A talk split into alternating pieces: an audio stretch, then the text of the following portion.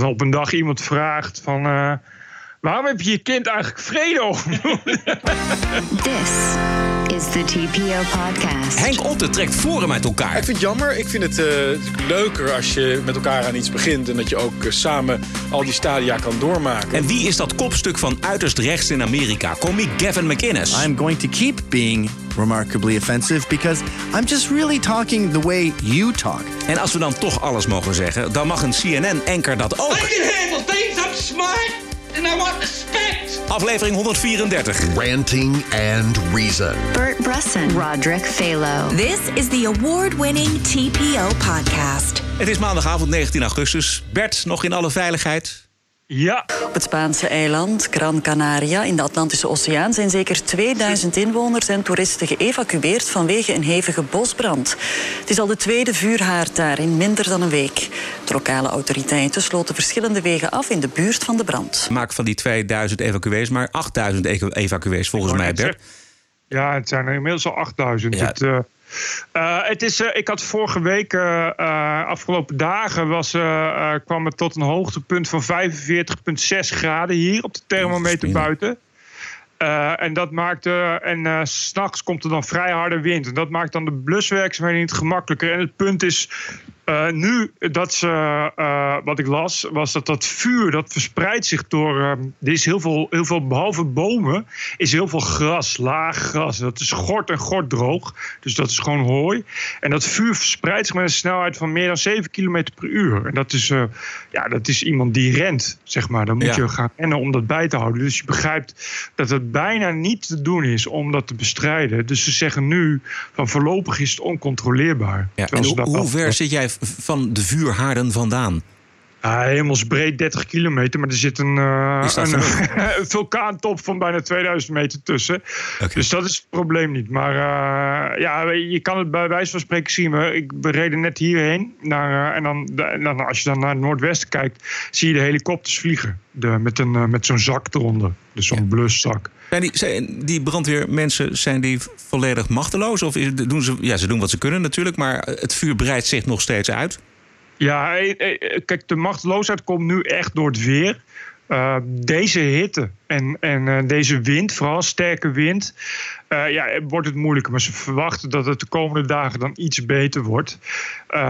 Maar de, ja, daar valt niet tegenop te blussen. Ze hebben nu gewoon echt al, echt al een paar honderd brandweermannen. Eigenlijk zo'n beetje alle blusvliegtuigen van Spanje zijn nu ook ingevlogen. Ja. Bij die, die bosbranden vorige week was er, waren er één of twee. Nu zijn er inmiddels al vier blusvliegtuigen. En dat zijn echt grote jongens.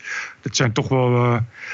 ja, die zet je echt in voor grote branden. Maar, en dat is dus een beetje het probleem. Het probleem is eh, niet per se dat die vlammen heel hoog zijn... maar dat, dat gras is gewoon onbestrijdbaar. Want wat er gebeurt is dat ze het blussen. Eh, en je kan dat niet 100% blussen. Er blijft dus altijd wel blijven wat gloeiende kooltjes achter... die door de harde wind ergens anders heen gaan... en dan weer alles opnieuw aansteken. En het is eeuwig zonde, want er wordt ook geblust met zout water... omdat die watervliegtuigen dat gewoon uit de haven van Las Palmas halen. Eh, dat zout trekt in die bodem en dat maakt eh, eh, de begroeiing de, de komende jaren niet beter op. Er gaan veel vogel- en diersoorten verloren. Dus het is, het is een allemaal heel verdrietig verhaal. Maar voor toeristen hier in het zuiden, dus, dus zeg, waar, waar ik zit, in Maspaloma, zeg de zuidelijke punten en de stranden, die hebben daar eigenlijk helemaal geen last van. Ander verdrietig verhaal vandaag in het nieuws. Twee senatoren uit de Forum-fractie... die hebben zich aangesloten bij Henk Otte... Jeroen de Vries en voormalig vertrouweling eh, van Baudet is dat... en Dorien Rookmakers. En je zou kunnen zeggen, Bert, dat wij een paar uitzendingen geleden... dit goed voorspeld hebben. Luister. Eh, Jeroen de Vries, eh, persvoorlichter van Forum. Ja, dat heb ik. Dat, daarvan eh, begrijp ik eh, dat hij wel eens een eh, kandidaat zou zijn om over te stappen. Hoezo? Eh, dat eh, via bronnen die eh, mij, mij dat bevestigen. Maar dat is. la- laat ik zeggen dat, dat, eh, dat wat ik ervan weet, dat dat een, een persoon is waarvan opgerekend kan worden dat. Dorien Rookmaker. Zij is risicomanager voorheen D66. Eh, Maar omdat zij risicomanager is, zal zij toch zeker toch eventjes de kat uit de boom kijken, volgens mij. Nou, then again, voorheen D66. Ja. dat biedt natuurlijk altijd extra risico. Ja, zeker wel. nou ja, over Jeroen de Vries eh, waren we toch wel vrij stellig. En jij Ja. hebt het over dat jij verhalen hoorde. Wat waren dat voor verhalen, Bert? Eh, ja, nou, nou ja. Ik- zit hier eh, niet alleen. Ik zit hier. zou- Willem-Jan Hilderink. Zal ik je even introduceren, Willem? En Willem-Jan Hilderink is eh, de EGA van eh, Annabel Nanninga. Annabel Nanninga en Willem zijn hier eh, een weekje bij eh, mij op de compound op vakantie. Gezellig. Eh Annabel Nanninga wil verder niet eh, re- reageren, want die is op vakantie. Oké, daar krijgen we dus niks uit. Vanmorgen zat Henk Otte bij Radio 1. Klein stukje. Die partij gaat een kant op waar wij ons niet, niet eh, achter willen scharen. Ik spreek natuurlijk heel veel mensen, heel veel mensen bellen mij ook. Eh, dus eh, ja, er zijn, er zijn duidelijk meer mensen die niet tevreden zijn met met de, ja, de extreme koers die de partij nu, eh, nu eh, inslaat. Wij willen niet eh, maar wat roepen en op eh, in filosofische debatten verzeilen. Wat ik het idee heb wat bij Forum wel af en toe eh, veel gebeurt. We willen echt concreet, inhoudelijk eh, discussiëren en oplossingen aandragen en daar ook aan meewerken. Nou, de fractie in de Eerste Kamer gaat van 12 naar 9 zetels. En de grote vraag is natuurlijk, blijft het hierbij? Wat denk jij, Bert? Ik kan me niet. Ik kan me echt. Ik, mag dat zeggen? Ja, ik heb net met, met, met Willem en Annabel hadden we het nog over. Ik kan, me- weet je, ja, wie moeten dat zijn dan? Was Annabel verrast door deze twee? Nee. Niet verrast. Maar, maar goed, maar dit zijn ook de mensen die, die zelf in de media er zijn gekomen. In elk geval die Doreen Rookmakers. Die, weet je, dus dat was nog niet echt een verrassing. Maar ik. Nou ik kan die heeft er nog opgeworpen als iemand die de boel wilde lijmen tussen Otte en Baudet. En dat is dan niet Ja, gelukt. Maar Maar, die haar overstap op zich was volgens mij wel een verrassing. Tenminste voor mij. Ik zat even naar het eh, NOS-journaal te kijken. Verslaggever Ron Vrezen. Die heeft het over wat dit dan eh, zou kunnen betekenen voor het politieke landschap als iedereen weer terug is van vakantie. Luister. Voor de Eerste Kamer en de verhoudingen daar denk ik niet zoveel. Want eh, die fractie Otte eh, die zal min of meer dezelfde rechtse agenda blijven hanteren... als eh, wat Forum voor Democratie ook doet in de Eerste Kamer. Dus voor de politieke verhoudingen in de Eerste Kamer heeft het niet zoveel effect. Maar voor Forum natuurlijk is de grote vraag... wat gaat er nu gebeuren? Eh Otte zegt, ja, er gaan er meer volgen. Nou, misschien in de Eerste Kamerfractie. Tot nu toe hebben we daar nog geen signalen van overigens. Maar wat gaat er bijvoorbeeld in diverse provincies gebeuren... eh, met die gekozen statenleden... die voor een belangrijk deel ook door Otte bij de partij eh, zijn gehaald. Ja, daar zit natuurlijk nog wel een risico Ja, voor Baudet. Precies. Ja. ja, nou, maar dat zien we dus vandaag. Ze- Zeeland en Almere. Ja. Ja, ja ik weet niet. Ik, ja, ik, ik, ik, ik weet niet. Ik denk niet dat ze nou eh, massaal gaan. Maar ja, dat zijn natuurlijk wel. Dus het, wat, je, wat, wat Vrezen ook al zegt. Die zijn door, voor een gedeelte door Otte binnengehaald.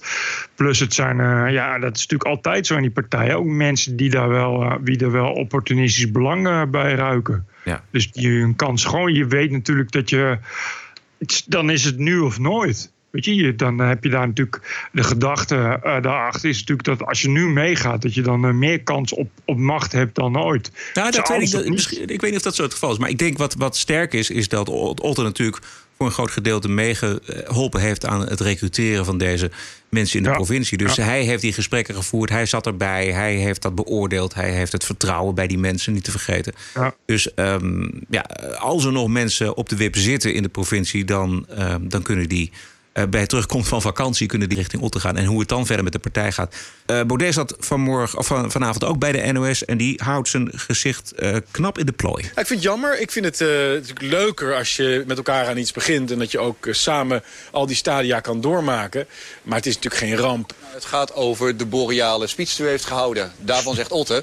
Dat is ook voor die andere senatoren nu een reden om op te stappen. Mensen willen deze koers niet. Ik vind dat een heel ongeloofwaardig verhaal. Kijk, Forum voor Democratie is een brede conservatief-liberale partij... met eh, heel veel mogelijkheden tot eh, discussie. Eh, onze koers is ook helemaal niet veranderd. Het is grotendeels kwaadsprekerij... waar ze van alles nog wat aan de haren bijslepen. Er is heel veel ruimte voor discussies, heel veel ruimte voor meningsverschil. En er is vooral een hele belangrijke missie... waar heel veel mensen in Nederland op gestemd hebben. En dat vind ik ook iets wat steekt. Kijk, dat je misschien besluit om een andere weg te gaan in het leven... dat kan ik misschien nog begrijpen. Maar dat je dan ook je zetel meeneemt die toch toebehoort aan eh, de partij... en de kiezers die erop gestemd hebben... dat vind ik heel, eh, heel erg tegen de geest van Forum voor Democratie ingaan. Ja, daar baalt hij als een stekker van, volgens mij. Nou, daar heeft hij wel een punt. Vooral dat laatste vind ik wel echt belangrijk. Ik, ik, ik heb altijd een hekel gehad aan die zetelrovers.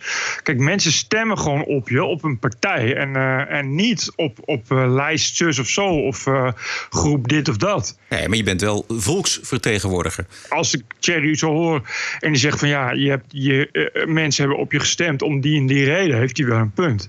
Er is toch geen sprake van een coalitie whatsoever. Dus hoezo zo zou je dan moeten zeggen: ja, je, alleen op basis van, van wat? De, die, die journalist, dit was een NOS, begrijp ik, of Radio 1. Ja. Eh, alleen op, op basis van dat Henk Otte zegt van ja, ik, ik heb genoeg van het boreale gelul. Ja, ik, kijk, ik, ik zou als kiezer dan zeggen van ja, oké, ik, ik begrijp het. Ik kan me voorstellen dat er kiezers zijn die naar de overwinningsspeech van Baudet hebben gekeken en zeggen van tja, weet je, daar heb ik ook niet op gestemd. Maar tegelijkertijd zeggen van la, la- laten we nog even wachten. Laten we kijken wat, wat er gebeurt. Bedoel, dit is alleen de Eerste Kamer. Laten we volgende verkiezingen afwachten. Laten we kijken wat ze in de provincie, in de Eerste Kamer kunnen gaan doen. Eh, Dus ik vind dat er heel weinig verantwoording is op, op die manier voor, voor nieuwe lijsten. Of om dan weg te gaan rennen.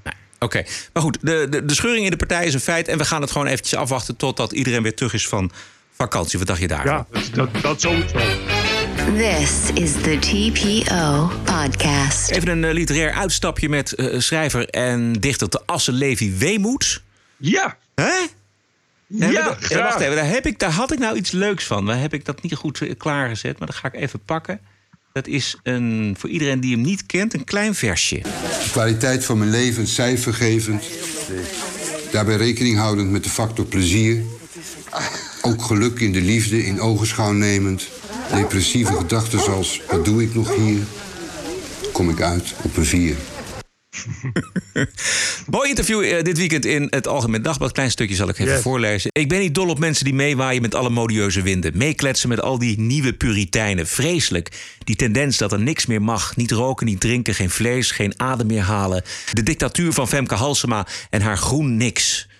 En niemand durft wat te zeggen. Want dan gaat je kop eraf. Nou, ik ben toch al bijna dood, denk ik dan. Dus bij deze. Ik vind het belachelijk en beangstigend. Ook universiteiten doen eraan mee. Vroeger waren dat bastions van vrijheid, tegenwoordig kampen van orthodoxie, strengheid en rigiditeit. Daar huizen de nieuwe zedenpredikers, imams en dominees. Een andere mening wordt niet getolereerd. Je ziet ook dat jongeren voor een deel niet meer gewend zijn aan debatteren of zelf weerwoord geven. Als zij worden tegengesproken, moeten ze eerst een half uur knuffelen met een troosthond om op adem te komen van een andere mening. Met zo'n labrador die overal begrip voor heeft. Kortom, vrijheid van meningsuiting bestaat dus niet in Nederland. Schrap dat maar uit onze identiteit. Levi Weemoed. Ja, ik zag het op geen stijl die, die het kennelijk opviel. Maar het is natuurlijk eh, eh, dramatisch genoeg eh, al dat het dus opvalt als iemand dit soort dingen zegt.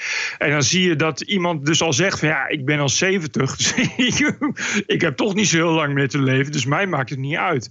En dat is dus de status waarin we terecht zijn gekomen. Dat als je dit soort opvattingen hebt, dat je, dan al, dat je dat nou liever doet als je 70 bent en niks meer hebt te verliezen. Dus je vraagt je af hoeveel meer mensen zijn er nog die het niet zeggen. Ik denk best wel veel. Uh, wat overigens ook uh, een reden is voor die mensen om naar onze podcast te luisteren. Ja. Ja. Ik, ik lees dat soort dingen echt als een, als een verademing, als een verfrissende douche. En dan denk ik, ja. Uh, en dit is weer een 70. Waarom, waarom maar in, er zijn geen nieuwe jongeren meer die dat nog wel doen? Willem? Ja, nou ja, eh, ik vond het opvallend wat hij zei over universiteiten. Het deed me denken aan de UvA met de prachtige slogan... Where opinions get challenged. Het is eigenlijk where opinions get corrected. Hè? En dat is natuurlijk iets wat, iets wat hij benoemt. Maar hij is ook iemand die lijkt op het soort politici... zoals wat je bij Plasterk ziet. Die worden een soort van red pill of realistisch... of hoe je het ook wilt noemen. Pas als ze de politiek uit zijn. Hij gaat het nu doen nu hij bijna dood is. We hadden misschien iets eerder op je willen rekenen. Ja, Want dat is wat je moet doen als kunstenaar of, of wetenschapper of politicus. En nou goed, dat, dat viel mij erop. Ik vond het een mooie boodschap, maar ik dacht, ja, dat kan ik ook als ik voor mijn graf sta en daar bijna inval. Ja, nou, ik geloof niet dat hij al zover is, maar uh, het moest er inderdaad wel uit. Het kwam uit zijn tenen. En wat mij heel erg trof was toch ook het besef hoe groot de angst is bij een hoop mensen. Dat is dus al heel ver. Ja, maar dat is dus ook heel ver. Luister, Roderick, ik zie af en toe uh, dat jij dingen tweet waar ik het heel erg mee eens ben. En waarvan ik tegelijkertijd denk, oei, daar zal er wel uh, weer uh, wat reactie op komen. Laat, laten we eventjes het beestje bij de naam noemen. Want ik denk dat je bedoelt de, de, de tweet over Helene Mees. Voor wie het gemist heeft. Maar dat was een fenomeen afgelopen weekend op Twitter. Zij komt aan op Schiphol. Zij tweet van waarom moet ik nou weer een uur wachten op mijn koffers? Waar zijn dan die 1,6 miljoen arbeidsongeschikten in oh, Nederland? Ja. Die kunnen toch wel een handje helpen. Een tweet uit de onderbuik van een tweet. Ja, ja, uit de onderbuik van Helene Mees. En nou, die, daar heeft zij, ik geloof, iets van duizend reacties op gehad. En allemaal even haatdragend en ergerlijk. En ze vonden, nou, het was echt, ze mocht dat echt niet zeggen. Nee, ze was trending topic. En ik zag dat allemaal gebeuren. Ik denk, wat is dit joh? Wat is hier aan de hand? Echt de enige smerige opmerking nog dan de andere. Er zat zo ongelooflijk veel haat in. Hatelijke, seksistische ja, opmerkingen. Ja, enorm. Ja. ja, precies. Dus ik tweet van, nou ja, als er zoveel reacties zijn... nou, dan moeten ze wel iets van gelijk hebben. En vervolgens kreeg ik alles over me heen. Althans, ja, er kwam echt enorm veel haat uh, mijn kant op. Maar toen dacht ik, en dat zullen we straks ook nog wel zien... als we aandacht besteden aan, uh, aan Portland... en wat in Amerika gebeurd is op straat. Alle remmen los als het gaat om ik moet jou bestrijden. En dan maakt het niet meer uit wat je zegt. Kan ik me heel goed voorstellen dat mensen daar bang voor zijn. Die houden hun mond, die zeggen niks. En die zijn heel erg gevoelig voor, oh dat mag wel en dat mag niet. En daar heeft die Levi Weemoed het ook over. Nou ja, Levi Weemoed die zei van... Uh, als je dat soort dingen zegt, dan moet in Nederland je kop eraf. Uh, ik zag dat uh, bijvoorbeeld een, een radicaal linkse website... dus joop.nl van Francisco van Jolen... die noemde hem uh, een dichter die dan toch maar weer een boze blanke man was. Want je mag dat natuurlijk niet zeggen op links. Dus die hadden een stukje daarover geschreven van ja, de, de, deze, deze uh, boze blanke man, boze blanke man is, zoals je begrijpt, een scheldwoord. Want je mag vooral geen boze blanke Je mag alles zijn in, in inclusief Nederland, behalve een boze blanke man. Weet je, en, en toen zag ik ook op Twitter reacties, bijvoorbeeld van Bert Vuijsje. Bert Vuijs inmiddels al 182, maar dat tezijde. Die, die dan ook zei: ja, dat die mensen niet zien. Uh, uh, hoe tegenstrijdig ze zijn. Want elke dag staat de media vol met de dingen waarvan zij vinden dat je ze niet mag zeggen. Toen dacht ik van ja, maar dit is nou precies de reactie waar Levi Weemoed het over heeft. Dat je op het moment dat je iets zegt, dat iedereen over je heen valt. Ja. En, en, en, en dat moet je, dat moet je, dat moet je uh, willen, dat moet je durven. En jij en ik uh, uh, kiezen ervoor. Helene Mees ook, denk ik. Dat lijkt me niet iemand die heel erg wakker ligt van een paar nee. tweets. en zo zijn er nog een, nog een hoop mensen. Maar ik denk dat er heel veel mensen zijn die, die daar niet tegen kunnen en, en dat niet willen. Willem, jij, jij wilde ook wat zeggen. Ja, ja, het is een trook. Wat je hoort, de reactie die ik hoorde van die Bert Vuistje, die Bert net, uh, de betere Bert, uh, Bert Blussen hier uh, voorleest. is, is, het is ook gewoon niet waar. Dit zijn de mensen die doen alsof de Volkskrant en NRC een soort telegraaf zijn geworden.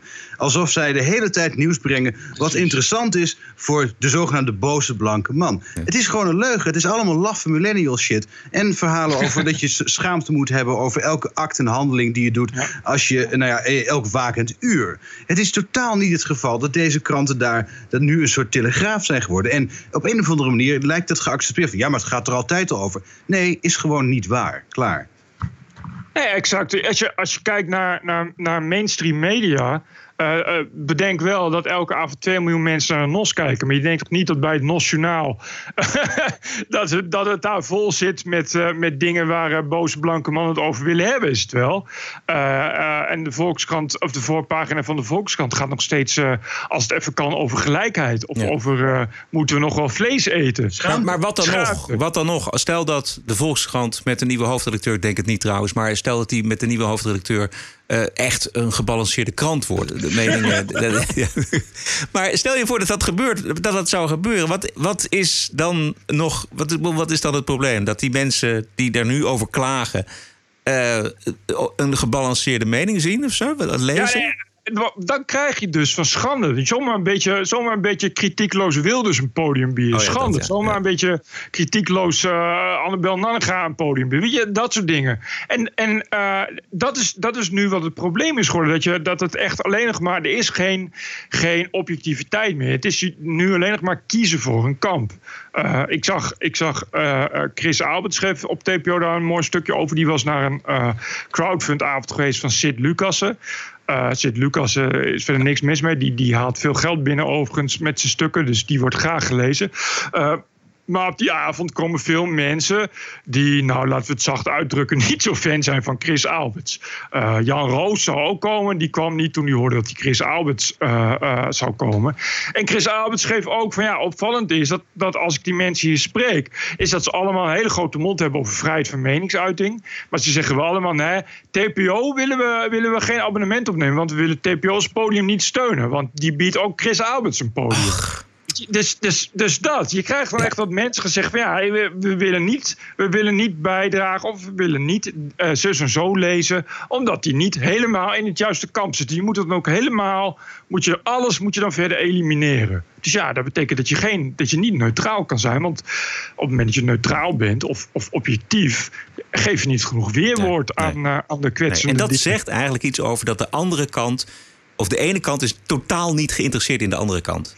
Nou, veel erger. Ik, je wil echt niet weten wat, wat ik elke keer binnenkrijg als Chris Alberts een stukje. Zeg maar. Die heeft nu een, uh, een reeks uh, dat hij uh, de FVD nauwgezet volgt. Ja. dus, dus ja, die schrijft nu elke keer elk artikel is fout, dat snap je. Ja. En dan krijg je allemaal mensen die dan gaan mailen van... ik stond op het punt te doneren aan TPO... Dat ga ja. ik niet doen.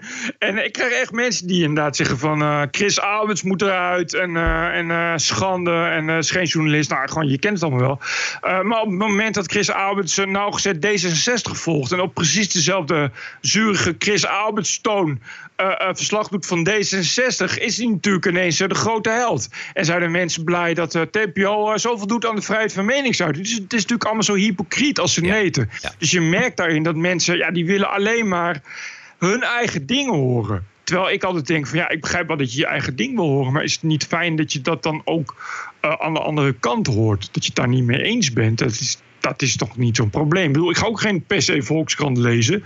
Maar je hoeft dan toch niet per se uh, te willen dat de Volkskrant uh, wordt verboden of zo. Dat is echt wat die mensen ook. Die willen ook echt dat Chris Alberts wordt verboden. Als ja. het aan die mensen ligt, ja. krijgt Chris Alberts gewoon nooit meer ergens een podium. Ja, het, is, het, is, het is heel erg uh, in, in kampen denken. Het is heel erg het tribaal gedrag.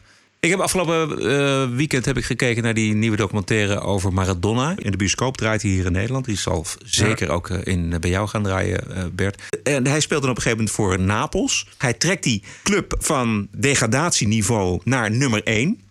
Mm -hmm. De koppositie. Dat doet hij twee jaar achter elkaar. Nou, die, die hele stad helemaal, helemaal gek van Maradona natuurlijk. En dan schakelt hij met zijn nationale team Argentinië in Napels het nationale team van ja. Italië uit. En dan is het in één klap is de loser. En dan Precies. moeten ze helemaal niets meer van hem hebben. Maar dat gedrag, dat is eigenlijk ja, supportersgedrag. Uh, dat zie je dus heel erg op Twitter ook. Nou ja, dit is de, inderdaad een goede vergelijking. Verder vind ik het vooral echt lijken op uh, Verdun 1915. Uh, Zo'n ja. beetje dat we uh, zoveel mogelijk ingraven. En uh, nog verder ingraven. En inderdaad na elke aanval tot de conclusie komen dat we helemaal niets hebben bereikt. Maar toch nog maar een keer gaan aanvallen. Ja. Ik, toch, alhoewel, ik ben ook niet per se voor, voor, de verbinding of weet ik veel wat shit hoor. Daar niet van. Maar ik vind het wel, het, is, het is wel opvallend. En ik vind bij Levi Weemoed uh, denken van ja, dit soort mensen worden toch nodig gemist. En wat is toch gebeurd in Nederland dat, dat dit niet meer is? Want het deed mij heel erg denken aan Gerrit Komrij, die ja. fantastisch dingen heeft geschreven en, en altijd op deze manier uh, de dingen bekritiseerde. En wat toch komt uit een traditie die is geboren in de jaren 60 en 70 in Nederland. En in, in no time is dat, is dat gewoon weggevaagd, is het gewoon vernietigd. Uh, en, en voor elke Gerrit Komrij die doodgaat, en, en Levi Weemoed is ook alweer 71, komt gewoon geen nieuwe meer. Jezus, wordt het alleen nog maar brave, bange, ja, corporate-achtige meningen die, die iedereen pleasen. Nog meer stammenstrijd in Amerika. This is CNN breaking news. Donald Trump is not going to be president of the United States. Welcome to Morning Joe. Mr. President, if there is no collusion. The government shutdown is now in week four. Today was not just like a normal stormy day in the news. This is not just my opinion. TPO Podcast. This is evidence. Ja, veel geweld, uh, maar geen veldslag in Portland tussen Antifa en rechtse demonstranten. Omdat uh, dit soort clashes tussen fanatiek links en fanatiek rechts door de meeste media niet meer gewoon van verslag kan worden voorzien. wordt er gewoon partij gekozen, openlijk. En ja, dan is de keuze eigenlijk vrij snel gemaakt. All punches are not equal morally. In the eyes of the law, yes. But in the eyes of good and evil. They are strictly principled anti fascists. And what they see in the Trump administration and what they see happening in this country, they see, they see the neo fascism that we see. And they've taken a principled stand to stand against white supremacists and white nationalists wherever they may show up. It says it right in the name Antifa, anti fascism, which is what they were there um, fighting. Listen, there's, you know, no organization is perfect. There was some violence. Thuggishness is thuggishness wh- wherever it comes from politically, and, and we should be the first to call it out. I disagree. ja. Zo wordt er gekozen voor, voor Antifa als je moet kiezen tussen rechts of links. Ook in Nederlandse media trouwens uh, werd er gekozen. Uh, ja, Volkskrant schreef: uh, ultra-rechts marcheert door Portland.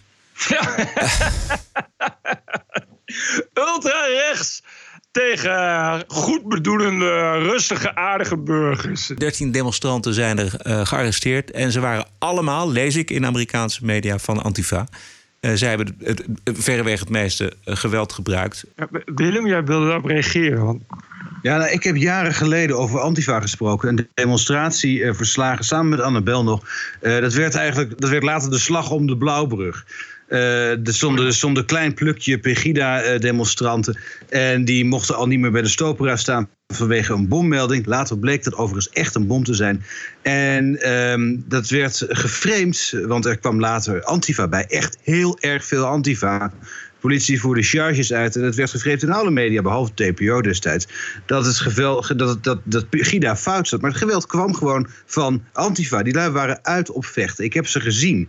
En uh, dat, dat, dat zie je gewoon steeds. En het Antifa zelf vindt het ook, en media vinden het ook. Ja, je mag alles wel doen, want jij bent de antifascist. Ja. Hoeveel rechtvaardiging meer heb je nog ja. nodig? Dus uh, ga je gang en sla mensen in elkaar. Waaronder journalisten tegenwoordig, hè? Ik heb vandaag even gekeken naar wat dat uh, ultra-rechtse deel in Portland dan was. Dat ultra-rechts bestond afgelopen zaterdag uit twee groepen. De Proud Boys en de dames en heren van Patriot Prayer. Zo meteen iets over die laatste groep. Eerst over de eerste. De Proud Boys zijn opgericht door hipster en vice-founder Gavin McInnes. Wat weten we van hem? Uh, ik heb een uh, aantal keer fragmenten van hem gezien. Hij heeft een, bijvoorbeeld een interview met een feministische genderwetenschapster.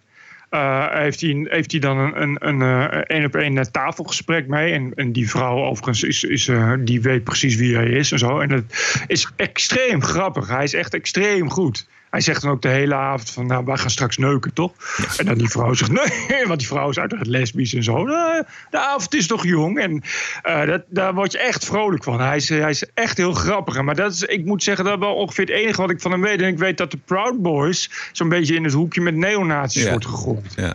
Ik, um, hij is schrijver, hij is acteur, hij is komiek. Hij zat anderhalf jaar geleden bij Joe Rogan.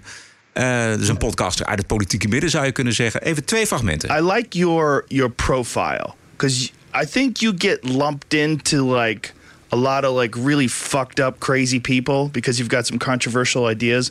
Dit is Joe Rogan. But I like what you did. I like this pro West, pro gun, pro life, pro gay, pro Israel, pro Trump, anti Nazi, uh, anti censorship, anti feminist, anti Islam.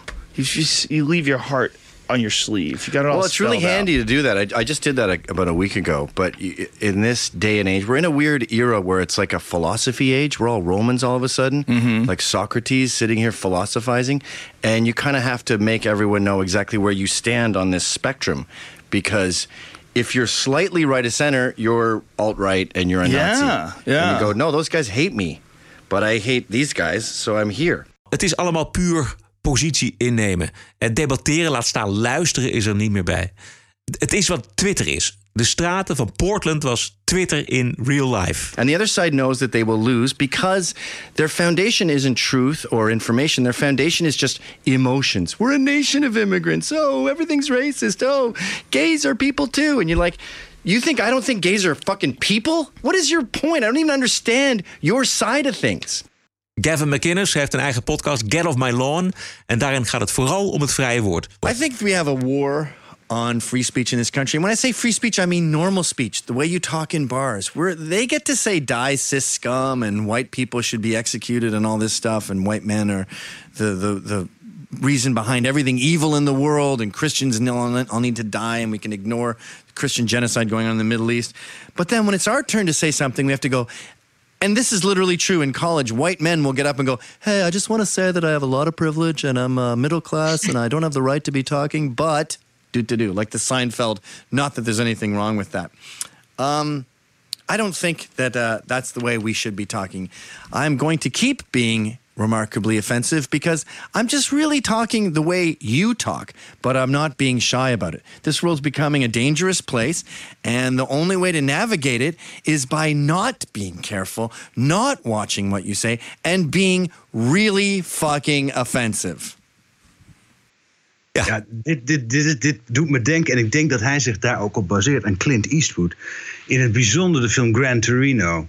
Daar komt, die, daar komt volgens mij de naam van de podcast ook vandaan. Get off my lawn. Ja, ja, ja. Dat, is toch prachtig. En, en dit is het. En dit- hij zegt: The way you talk among each other. Hij heeft die scène dat, dat, dat, dat die jongen die hij gaat mentoren, die, dat, dat, die jochie, die moet naar, zijn kapper toe. En die moet met de kapper praten zoals hij met de kapper praat. You crazy Polak fuck, weet je wel. Dat moet je dan zeggen. En dat is, dat is to become a man. En dit, doet me heel erg denken aan, aan Clint Eastwood. Daar lijkt hij bepaalde manier de mosterd te halen. Maar het is ook heel oprecht. Het is niet, het is niet alt-right. Begrijp je wat ik bedoel? Ja, ja, ja. Nee, maar dat is, was ook het rare. eh, wat ik vandaag ook had. Ik dacht, weet je, ik, ik moet weten wat voor gasten dat zijn daar. Wie zijn daar gaan demonstreren in Portland. En dan kom je, je komt echt wel, ook wel jongens tegen die aan de echt foute kant zitten. Maar deze man bijvoorbeeld, die oprichter is van een van die twee groepen. Ja, ik moest er eigenlijk om lachen. En ik vond hem heel grappig. En ik vond hem. Ja, ik vond het entertainment. En het blijkt dat het ook een entertainer is. En dat hij ook gewoon bij Joe Rogan zit. Nee, maar dat is eh, nog niet zo heel lang geleden was het ook gewoon entertainment. En vond iedereen het leuk. En nu is het ineens alt-right, een neonazi. Ja. Ik bedoel, dit is in korte tijd zoveel gebeurd dat er dit van, van is geworden. En Mind you, Kevin McInnes heeft toch echt Vice, Vice opgericht. Ja, precies. Ik weet niet of je wel eens Vice hebt gelezen, maar ja, Ja, Vice Magazine. Ja, nee, nee. Het stom en vervelend, maar dat is natuurlijk onze kritiek voortdurend in deze podcast. Is dat eh, ook Nederlandse media dat ook gewoon overnemen. Dus je, je leest, ook in de Volkskrant, ook in NRC, ook nou, Telegraaf nog niet echt. Maar het, het is echt dat het extreem rechts daar door de straten marcheert. Wat de Volkskrant schrijft, weet je wel. Je bent al tot de tanden bewapend wat je gaat lezen. Want je denkt, ja, dit is, dit is extreem rechts, dit zijn de neofascisten. En dan kom je zo'n man tegen. Ja, en het is ook echt. Ja, het wordt, het wordt dus geframed door de media ook als goed en kwaad. Ja. Het is niet dat je zegt. Is, ze schrijven niet op. eh, er zijn twee groepen die, die tegen elkaar demonstreren. Het is extreem rechts. En, en, en waardoor al de suggestie ontstaat dat iedereen die daartegen demonstreert, is natuurlijk al van nature goed. Dus het is altijd een soort, soort zwart-wit. Het is, het is een goed tegen kwaad. En dat hele, sowieso het hele framen van extreem rechts, dat gaat, dat gaat de hele tijd zo. Het is ook, ook alleen maar de focus op extreem rechts. Dat, dat zag je bijvoorbeeld bij die, bij die twee recente shootings in El Paso en eh, wat was het, Oregon, die Dayton. andere. Dayton. Eh, weet je, de, daar, daar wordt dan alleen maar over geframed van het is extreem rechts. Nou had ik een mooi artikel eh, op eh, TPO vertaald van Michael Schellenberg. Dat in elk geval die, die tweede shoo- shooter in, in Dayton, overigens ook die, die moskee-shooter in Nieuw-Zeeland, dat daar dat daar behoorlijk eh, linkse milieuactivistische tendensen aan kleven. Dat zijn allemaal mensen die zeggen van overbevolking moeten we vanaf. Dus hoe meer mensen, hoe meer mensen te voortijdig sterven, hoe beter. Want het is beter voor het milieu. Dat zijn natuurlijk linkse standpunten. Die worden gewoon genegeerd. Weet je, je leest in, in, die, in, in de media lees je het alleen maar als het over extreem rechts gaat. De rest, ja. Is dat toch voor raars dat, dat Antifa zo in bescherming wordt genomen door de, de media? In, zowel in Amerika als in Nederland. Willem? Maar ja, ze werken ook zelf bij de media, sommigen. Hè? Je, die hebt het toen, je ziet op een gegeven moment zie je, eh, reporteur, eh, mensen die reportages maken voor The Guardian opduiken In, eh, op foto's. Als eh, v- nou ja, verkleed, zou ik maar even zeggen. Als de goedheilig mannen van Antifa. Ik denk dat, het, dat die wereld gewoon veel te sterk verweven is. En dat, de, dan is het logisch dat je elkaar in bescherming gaat nemen. Ja, exact. Dat, dat, dat is een onderzoek van Andy, Andy No. Hè? Ja, Andy. Ja, Ja. Die heeft het inderdaad uitgevonden. Ja. TPO Podcast. Eh, Bert en ik eh, zijn dol op de Amerikaanse journalistiek. Een vakgebied met een enorme reputatie. Denk maar aan Watergate. Maar er gaat de laatste tijd ook best veel mis. Vooral onder invloed van de weerzin tegen de man die door de Amerikanen tot president gekozen is. Een aantal nieuwsorganisaties doet geen enkele moeite meer om eerlijk en gebalanceerd te rapporteren over de president. En dat gaat zo. The president of the United States is a fraud and a con man. Among the multiple reporters this president has insulted this week, three are African American women. This is the same man who called white nationalists and Klansmen and neo Nazis very fine people. He looked like a loser. But then Donald Trump betrayed America. Die laatste, dat is CNN-anker Chris Cuomo. Een zender die de president voortdurend aanspreekt op zijn gedrag en zijn, en zijn taalgebruik. Eh, vorige week ging viraal het taalgebruik van Chris Cuomo zelf. Punk ass bitches from the right call me Fredo. My name is Chris Cuomo. I'm an anchor on CNN. You're much Fredo is from The Godfather. He was that weak brother. Isn't that your And they use it as an Italian aspersion. Any of you Italian? Are you Italian? it's a fucking insult to your people. It's an insult to your fucking people. It's like the N-word for us. Ja, dit is een ontmoeting eh, met eh, volgens Chris Cuomo Trump-fans die hem eh, Fredo noemen. En die naam die slaat op de oudere broer van Al Pacino in The Godfather nummer 2. Kort stukje uit The Godfather. You're my kid brother, and you take care of me. Let Fredo take care of some Mickey Mouse nightclub somewhere. I can handle things. I'm smart. Not like everybody says. Like dumb. I'm smart, and I want respect. Terug naar de ruzie in het restaurant waar de CNN-anker in de overdrive gaat. You called me Fredo. You know my name's not fucking Fredo. I thought your name was. You did not think my name was fucking Fredo. Don't be a liar. You're, gonna have a fucking problem. What? What are you gonna do about it? I'll fucking ruin your shit. something then. I'll fucking throw you down these stairs like a fucking punk. Please do. Why, so you, don't fucking do sue? You don't So wanna you can fucking sue? Well, why don't you do it Go take a swing. You call me Fredo? Take a fucking swing. I'm not gonna swing at Take a fucking swing. Watch your fucking. Nou ja, we hebben het allemaal eh, gezien en gehoord. Het, is wel, het gaat er echt... Hij, is wat dik, dik hout zaag met planken, Bert, eh, dit. Ja, je moet je voorstellen dat je dit in Nederland... een verslaggever van het NOS Journaal hebt die zo losgaat. Ja. In, eh, Ja. Ah, ik, ik, ik- ik- kleine nuance is wel dat die, die Cuomo, die zegt wel van ja, ik was er met mijn vrouw en kinderen. En, en die zegt ook van ja, ik word altijd lastig gevallen. En ja, dat, dat is iets wa- wat hij wel accepteert. Dat krijg je natuurlijk als je, als je ten eerste CNN-anker bent. en Ten tweede niets anders doet dan Trump-bash. Is dat eh, iedereen wel iets tegen je wil vertellen. En dat is natuurlijk heel hinderlijk. Dus ik kan me een klein beetje de woede wel voorstellen. Eh, maar verder, ik vind het allemaal erg opgefokt. Ik heb het idee dat hij onder de steroïden zit. Willem, wat, wat, eh, wat was jouw idee? Ik had de indruk dat hij wel degelijk werd lastiggevallen. En ik kan zijn reactie wat dat betreft ook wel begrijpen. Maar wat ik raar vind, is dat... Kijk, als hij daar met zijn vrouw en kinderen is... dan zou je daar boos over worden. Dat, hij, dat, dat je er belaagd wordt waar je vrouw en kinderen bij zijn... dat je misschien hen in gevaar brengt. En hij gaat helemaal door over dat Fredo-verhaal. Alsof dat de reden is waarom je echt boos zou worden. Dat, dat is volgens mij niet, niet degene waar ik boos over zou worden. Of de meeste mensen. En hij vergelijkt het geloof ik op een bepaald moment ook met the N-word. Want, eh, ja. want hij is Italian-American. En Fredo is net zo erg. Gast, daar ging het niet over. Je werd, je- die, hij werd slecht behandeld. Hij werd belaagd. is misschien te veel gezegd. Maar het gaat volkomen weer de identity kant op. Terwijl dat volgens mij niet aan de orde was. En dat niet de reden voor je boosheid zou moeten zijn. Ik denk dat het ook te maken heeft natuurlijk met de status die je voelt als, als anker. Ehm, en zeker bij CNN. Eh, ze vinden zichzelf toch echt wel eh, belangrijk genoeg om de natie dag in dag uit aan te spreken over Trump. Ja. En dus dat zorgt ook wel voor een opgeblazen ego, laat ik maar zo zeggen. En volgens mij speelt dat heel erg mee. En dan, dan kun je, ben ik met jullie eens, dan kun je op een gegeven moment toch genoeg hebben van mensen die je tijdens, eh, weet ik veel, ergens tijdens het eten of in een restaurant lastigvallen. Maar de overdrive waarin hij gaat, in dat tweede stukje, dat is volgens mij toch echt dat ego. En van ik ga je pakken en ik, en ik duw je van de trap hier af en je, en je houdt je grote bek tegen me. Dat gedrag, die overdrive, dat komt van een opgeblazen ego die deze Chris Cuomo ook heeft. Ja, het is de, de, de, de, koning en de keizer wensen niet tegengesproken te worden door het gepeupel. Dat is, dat is wat, je, wat je er wel een beetje uit krijgt, ja. Ja, maar goed, dat zie je natuurlijk ook terug in hun, in hun verslaggeving en, eh, en de manier waarop ze zich eh, überhaupt gedragen in, eh, in de media. Ja. Het is, het allemaal, allemaal, wij weten hoe het zit en daar, daar, ja, het is niet de bedoeling dat iemand daar nog verder iets van vindt eigenlijk. Groot verhaal in de Amerikaanse media. Dit is de Daily Show met Trevor Noah. Cuomo was clearly pissed off because he feels like when this guy called him Fredo, it, it's a negative Italian stereotype. All right? Uh, what's funny to me, though, was that his reaction that he chose uh, also seemed like a negative Italian stereotype. He's like, What you say? I'll wreck your shit and throw you down these stairs, big man. You want to talk to me? You want to talk to me? Precies. Ja, als, alsof je een Italiaan uit, uit, uit New Jersey Shore uh, uit Ja, pakt. precies. Zoiets. Ja, Tot zover aflevering 134. Vindt u dit nou een goed geluid, een leuk geluid of een belangrijk geluid? Steun ons dan met een donatie. Dat helpt ons en de podcast en natuurlijk u zelf ook. Want dan kunt u blijven luisteren naar de podcast. Ga naar tpo.nl slash podcast en daar vindt u de mogelijkheden om iets te doneren. Wij zijn terug dinsdag, de 27e, het 27 augustus alweer. Heb een mooie week en tot dinsdag. Nou, nou goed, iedereen dan eh, een hele mooie week gewenst. TPO Podcast. Bert Bruson, Roderick Balo, Ranting and Reason.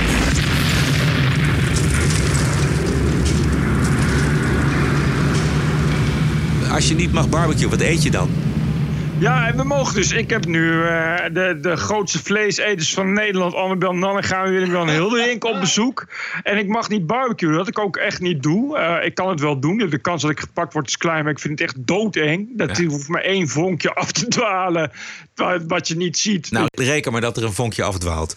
Ja, en reken maar dat ze dan wel achterkomen dat jouw kooltjes nog heet zijn op het moment dat ze in jouw huis komen kijken naar, eh, naar jouw barbecue. Dus eh, dat durf ik niet aan. Nee, we, we zijn nu aan het barbecue op het gas van huis binnen in de keuken. Dus we hebben wel worstjes en vlees. Die gaan gewoon in de grillpan. Dus, dus nou ja, het is eigenlijk een soort barbecue, maar dan, dan, maar dan zonder barbecue. Podcasting is the TPO podcast in the Netherlands. Bert and Roderick. What a show. I'm telling you.